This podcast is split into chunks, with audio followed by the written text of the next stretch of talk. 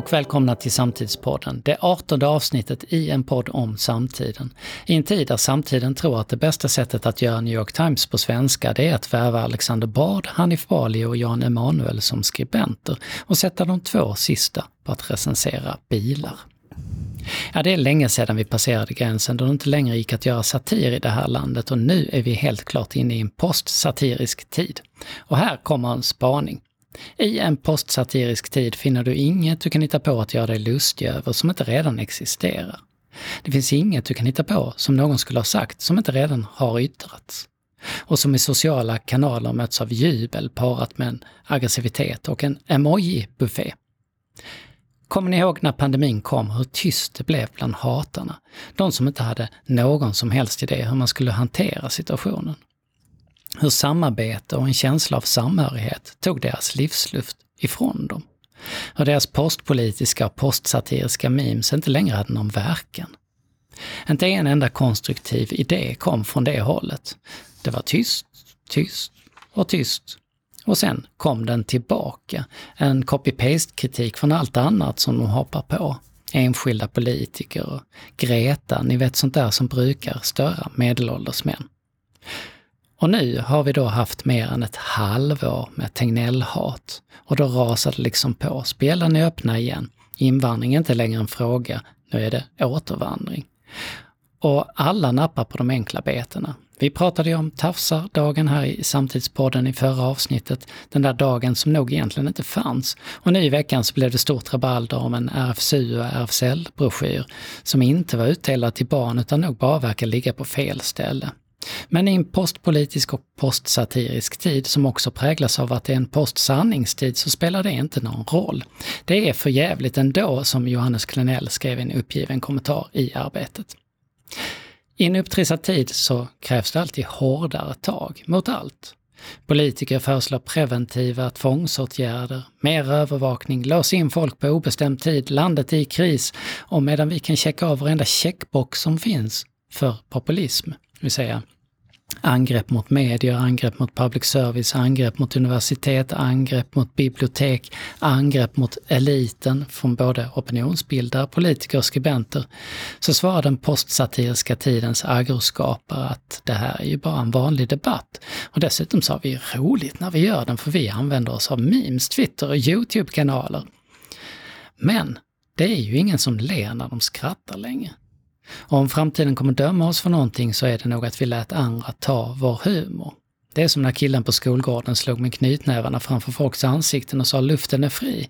Alla riktiga leenden försvann, kvar finns bara de falska, hånfulla och rädda leenden. I den postsatiriska tiden, där sysslar folk i sociala medier med någonting som ser ut som satir, men istället för ljudet av skratt har vi en öronbedövande tystnad fylld med gråt-smileys. Och jag som kan förvandla vilken peppig poddinledning som helst till en likvaka, ja, jag heter Anders Minner och med mig har jag precis som vanligt Jasmin Aran Moder. Hej, och jag vet faktiskt inte om jag ska skratta eller gråta i det här, men väldigt träffande. Och vill man kan man boka oss som underhållare på din after work. Det brukar bli folkligt, festligt och fullsatt, trots allt. Vi kan också använda oss av kakdiagram som presentationsteknikshjälpmedel. Men nu hoppar vi rätt in i veckans medieflöde.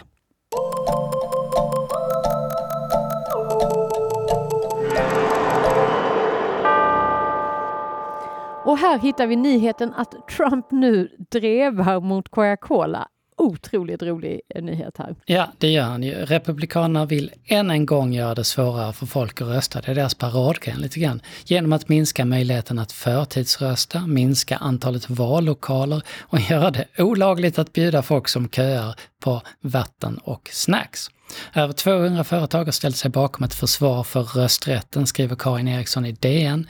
Och nu börjar då Coca-Cola bli symbolen för trumpismens hat. Vi kommer inte att bli ett socialistiskt land, säger Trump. Och här har vi plötsligt Coca-Cola som symbol för socialismen. Och vad han inte vet, det är att han då dragit ut, eh, tagit bort hela eh, Cuba-Colas försäljningsargument i ett enda stad. Men läsk, Jasmin, vilken är din favoritläsk? Dricker du där socialistiska läsk? Pommac. Finns det, den Jag vet inte riktigt. Vi pratade om den här om dagen. Älskar Pommac. Men det är inte så ofta man ser den i någon affär. Vi ligger nära. Mm. Min är Trocadero. Mm, Okej, det är ungefär, det är lite samma smak. Eh, Ja, Mm. jag, jag är inte säker jag har klarat ett bli- blindtest. Nej, men det är trevlig, trevlig smak. Liksom. Oklart om den är socialistisk. Ja, det är väldigt oklart häremot. I GP oroar sig kulturchefen Björn Werner för ointresset för demokrati. Han skriver att pandemin har visat att intresset för demokratisk frihet tyvärr är begränsat. För många så verkar trygghet, ekonomisk säkerhet och det lilla livet vara överordnad. Och han skriver att en hel del fri och rättigheter är helt enkelt inte så viktiga för många, så länge livet i övrigt är drägligt.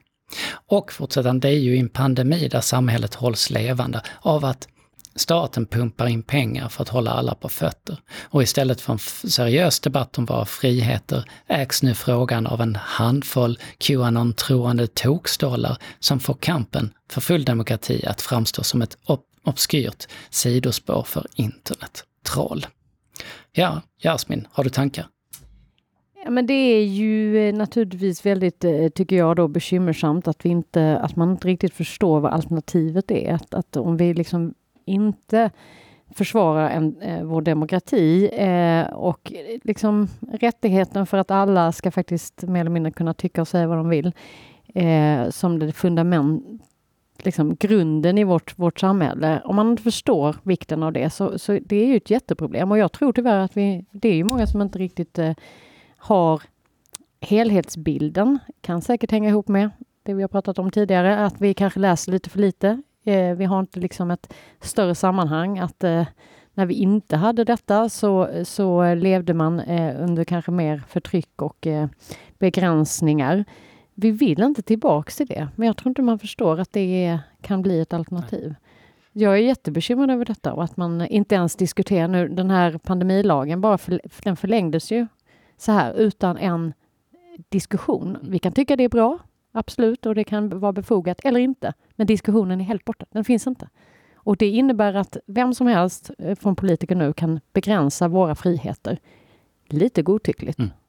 Och vi har ju varit inne på det där tidigare, det här med att den minsta gemensamma nämnaren för de människor som, som, som tycker det är väldigt viktigt med demokrati, det är närheten till andra världskriget. Så att ju närmare du har varit att uppleva detta, desto mer viktigt tycker du att, eh, Försvara att leva i ett demokratiskt samhälle. Mm. Och, och det är ju lite eh, spännande och oroväckande att se att vi då får väldigt tydligt, har vi fått de senaste veckorna, en diskussion om andra världskriget just, där eh, allting är uppe för, för diskussion. Och där man, där man då eh, ganska med ganska stor framgång lyckas då en felaktig bild av hur Sverige agerade under andra världskriget. Och att det här då är Socialdemokraternas eh, fel. Och vi har hela den här diskussionen med Aron Flams eh, bok till exempel om Sveriges agerande som marknadsförs som om det, det är någonting han har hittat nytt och som idag är eh, f- f- gigantiskt full av, av faktafel. Liksom. Men eh, här kommer det igen, historia behövs och Ja, behövs. historiekunskaper Ja. behövs Ja. och idag har vi kommit så långt ifrån det Mm.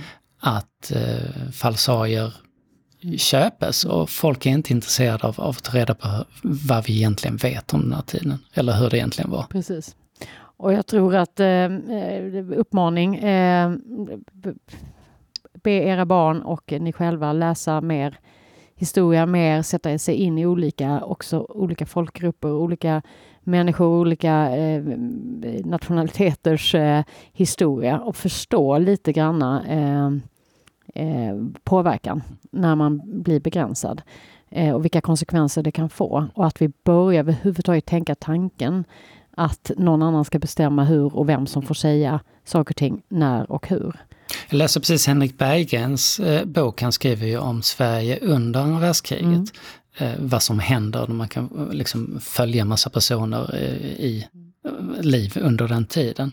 Och i den andra delen kommer man in i ganska många likheter med dagens situation under pandemin. För då har man ju liksom slagit den här liksom järnringen runt omkring och Sverige befinner ju sig i någon slags lockdown för att det är krig överallt annars. Ja, Och folk reagerar. Det är ganska många saker Ja, som är exakt. lika. Liksom. Den här glädjen försvinner, Mm. den här ehm, eh, kreativiteten försvinner, eh, folk känner sig lite modlösa Mm, lite grann och man, man bara går på. Mm. Det, det är rätt många likheter med dagens situation faktiskt. Mm. Ja men den eh, rekommenderar vi då. Mm, ja, det är verkligen fantastiskt eh, verk. slänga med över.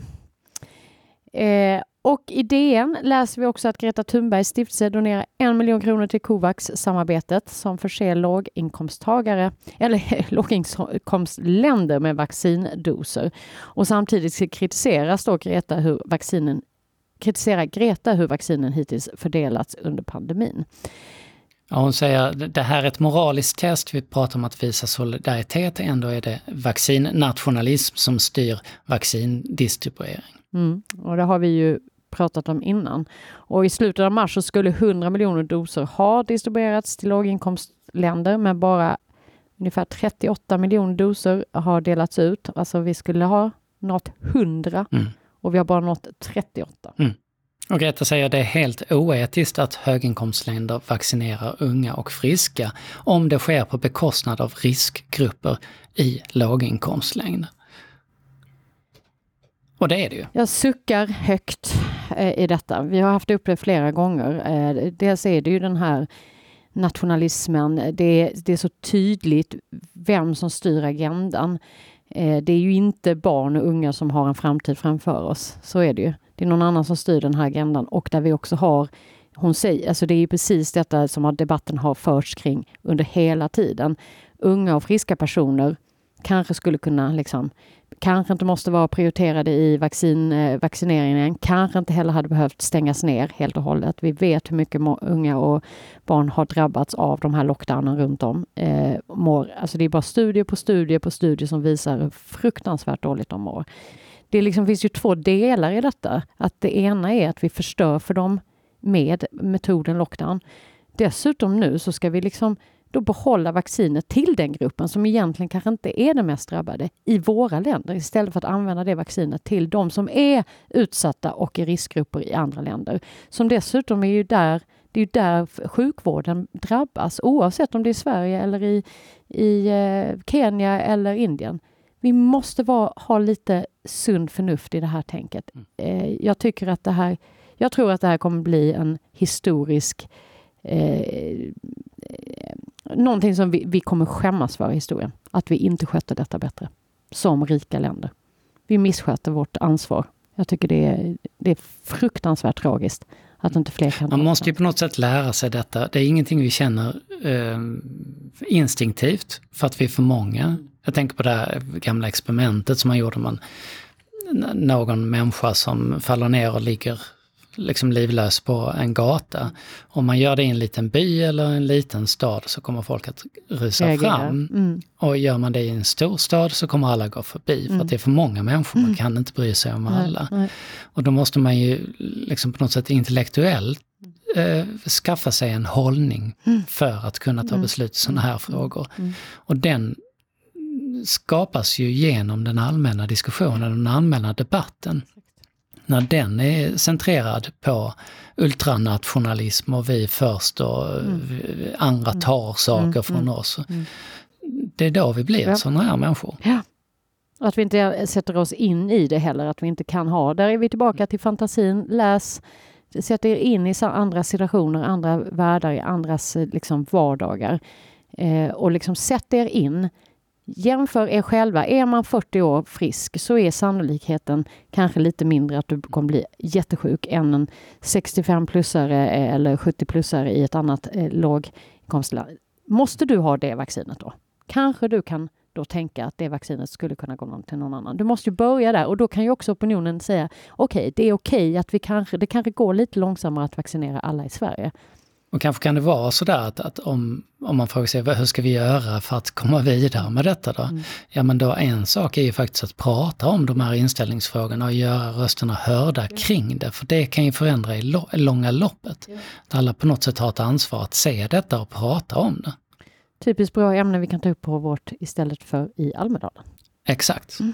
Och Sydsvenskan berättar att IKEA Foundation donerar 10 miljarder kronor till satsningar som ska göra det mer kommersiellt lönsamt för företag och finanssektorn att ställa om för att nå 1,5 gradersmålet i Parisavtalet. Arbetet med att minska utsläppen av växthusgaser går för långsamt anser man och samtidigt investerar Ikeas varuställ 40 miljarder i förnyelsebar energi, skriver Thomas Forsberg i Sydsvenskan. Målet är att Inka Group, som då driver IKEA-varuhusen, ska bli självförsörjande på grön energi. Och IKEA Foundations VD Per Hegenes säger så här till Sydsvenskan. Målsättningen är att vi ska kunna använda de här miljarderna för att skapa en hävstång med mycket mer pengar från andra källor genom att vi går före och visar vägen, men får andra med oss.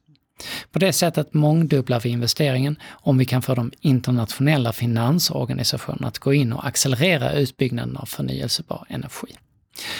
Och redan i nästa vecka så visar vi själva upp en massa svenska exempel på klimatsatsningar under eh, vår sändning som kallas för Get Ready for COP som går 27 till 29 april. Eh, Jasmin, berätta hur det här hänger ihop med Ikeas tankar.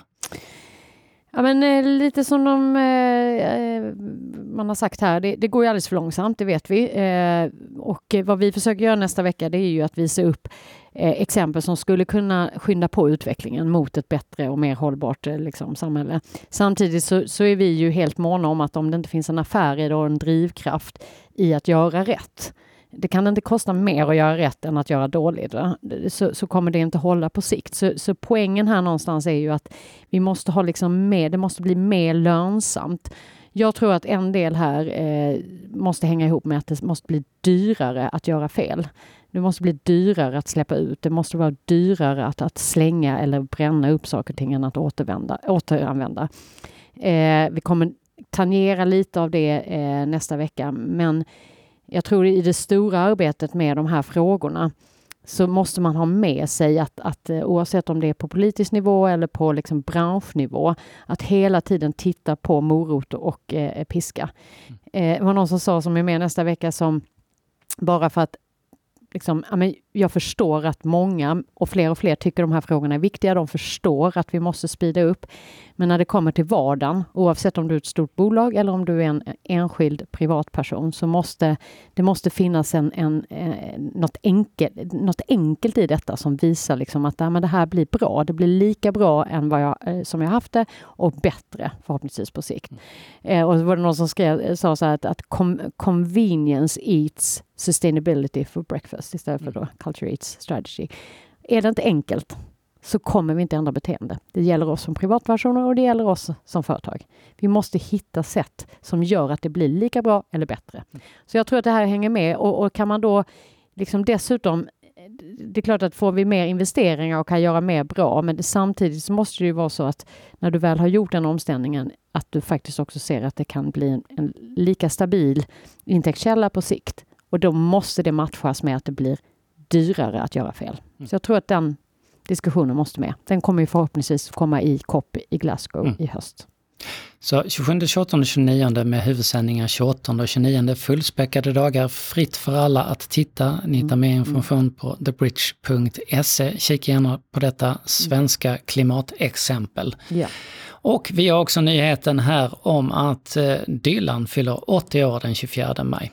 Och som en följd av det så har ett bittert bråk uppstått mellan hans biografskrivare Howard Sounds och eh, Clinton Halin, som båda skrivit böcker om Dylan, som nu kastar förolämpningar mot varandra. Bland annat i sina böcker, vilket gör det ännu roligare. I sin framgångsrika Dylan-biografi skriver eh, eh, Sounds Eh, eller förlåt, att, att Halin skriver en ny bok som, som kommer ut, där han går till, om, om Sounds framgångsrika Dylan-biografi, att han, han kallar Sounds för en professional dirt digger och att han har skrivit, vilket är den värsta förolämpningen, en semi-litterär bok. Alltså den är inte litterär på riktigt, han bara låtsas vara det. Och nu är bråket igång. Och jag tänker vilket härligt sätt att fira sin 80-årsdag genom att njuta av att folk bråkar om vem som tolkar ens värld, verk bäst. Och här är det dags för veckans Men hallå!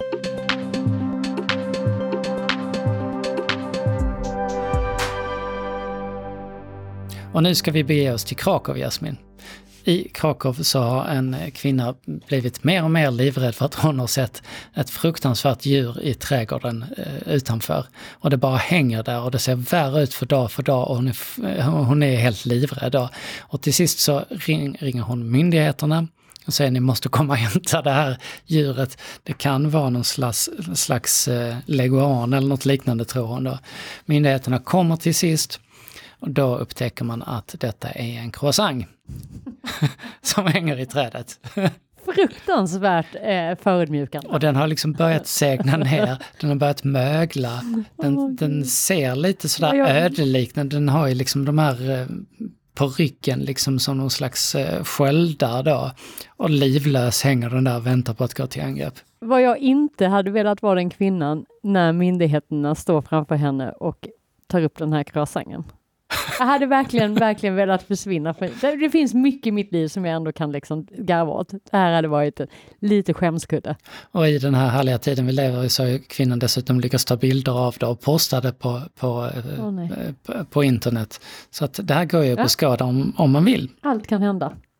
Och det här var allt för oss idag. Det är fredag den 23 april. Och den här dagen idag, eh, 1437, får Malmö en grip som statsvapen av Erik av Pommern. 1564 föddes William Shakespeare och 1889 grundades Sveriges socialdemokratiska arbetareparti. 1936 föddes Roy Orbison och 1976 76 släpper Ramones sitt debutalbum. Och 1978 filmar Sid Vicious sin version av My Way. Och det här var allt för Our Way. Du har lyssnat på Samtidspodden med mig, Anders Minner, och med Jasmin Ahan Moder. Samtidspodden produceras av Altitude Meetings och vi, ja, vi ses igen om en vecka. Tills dess, ha det fint!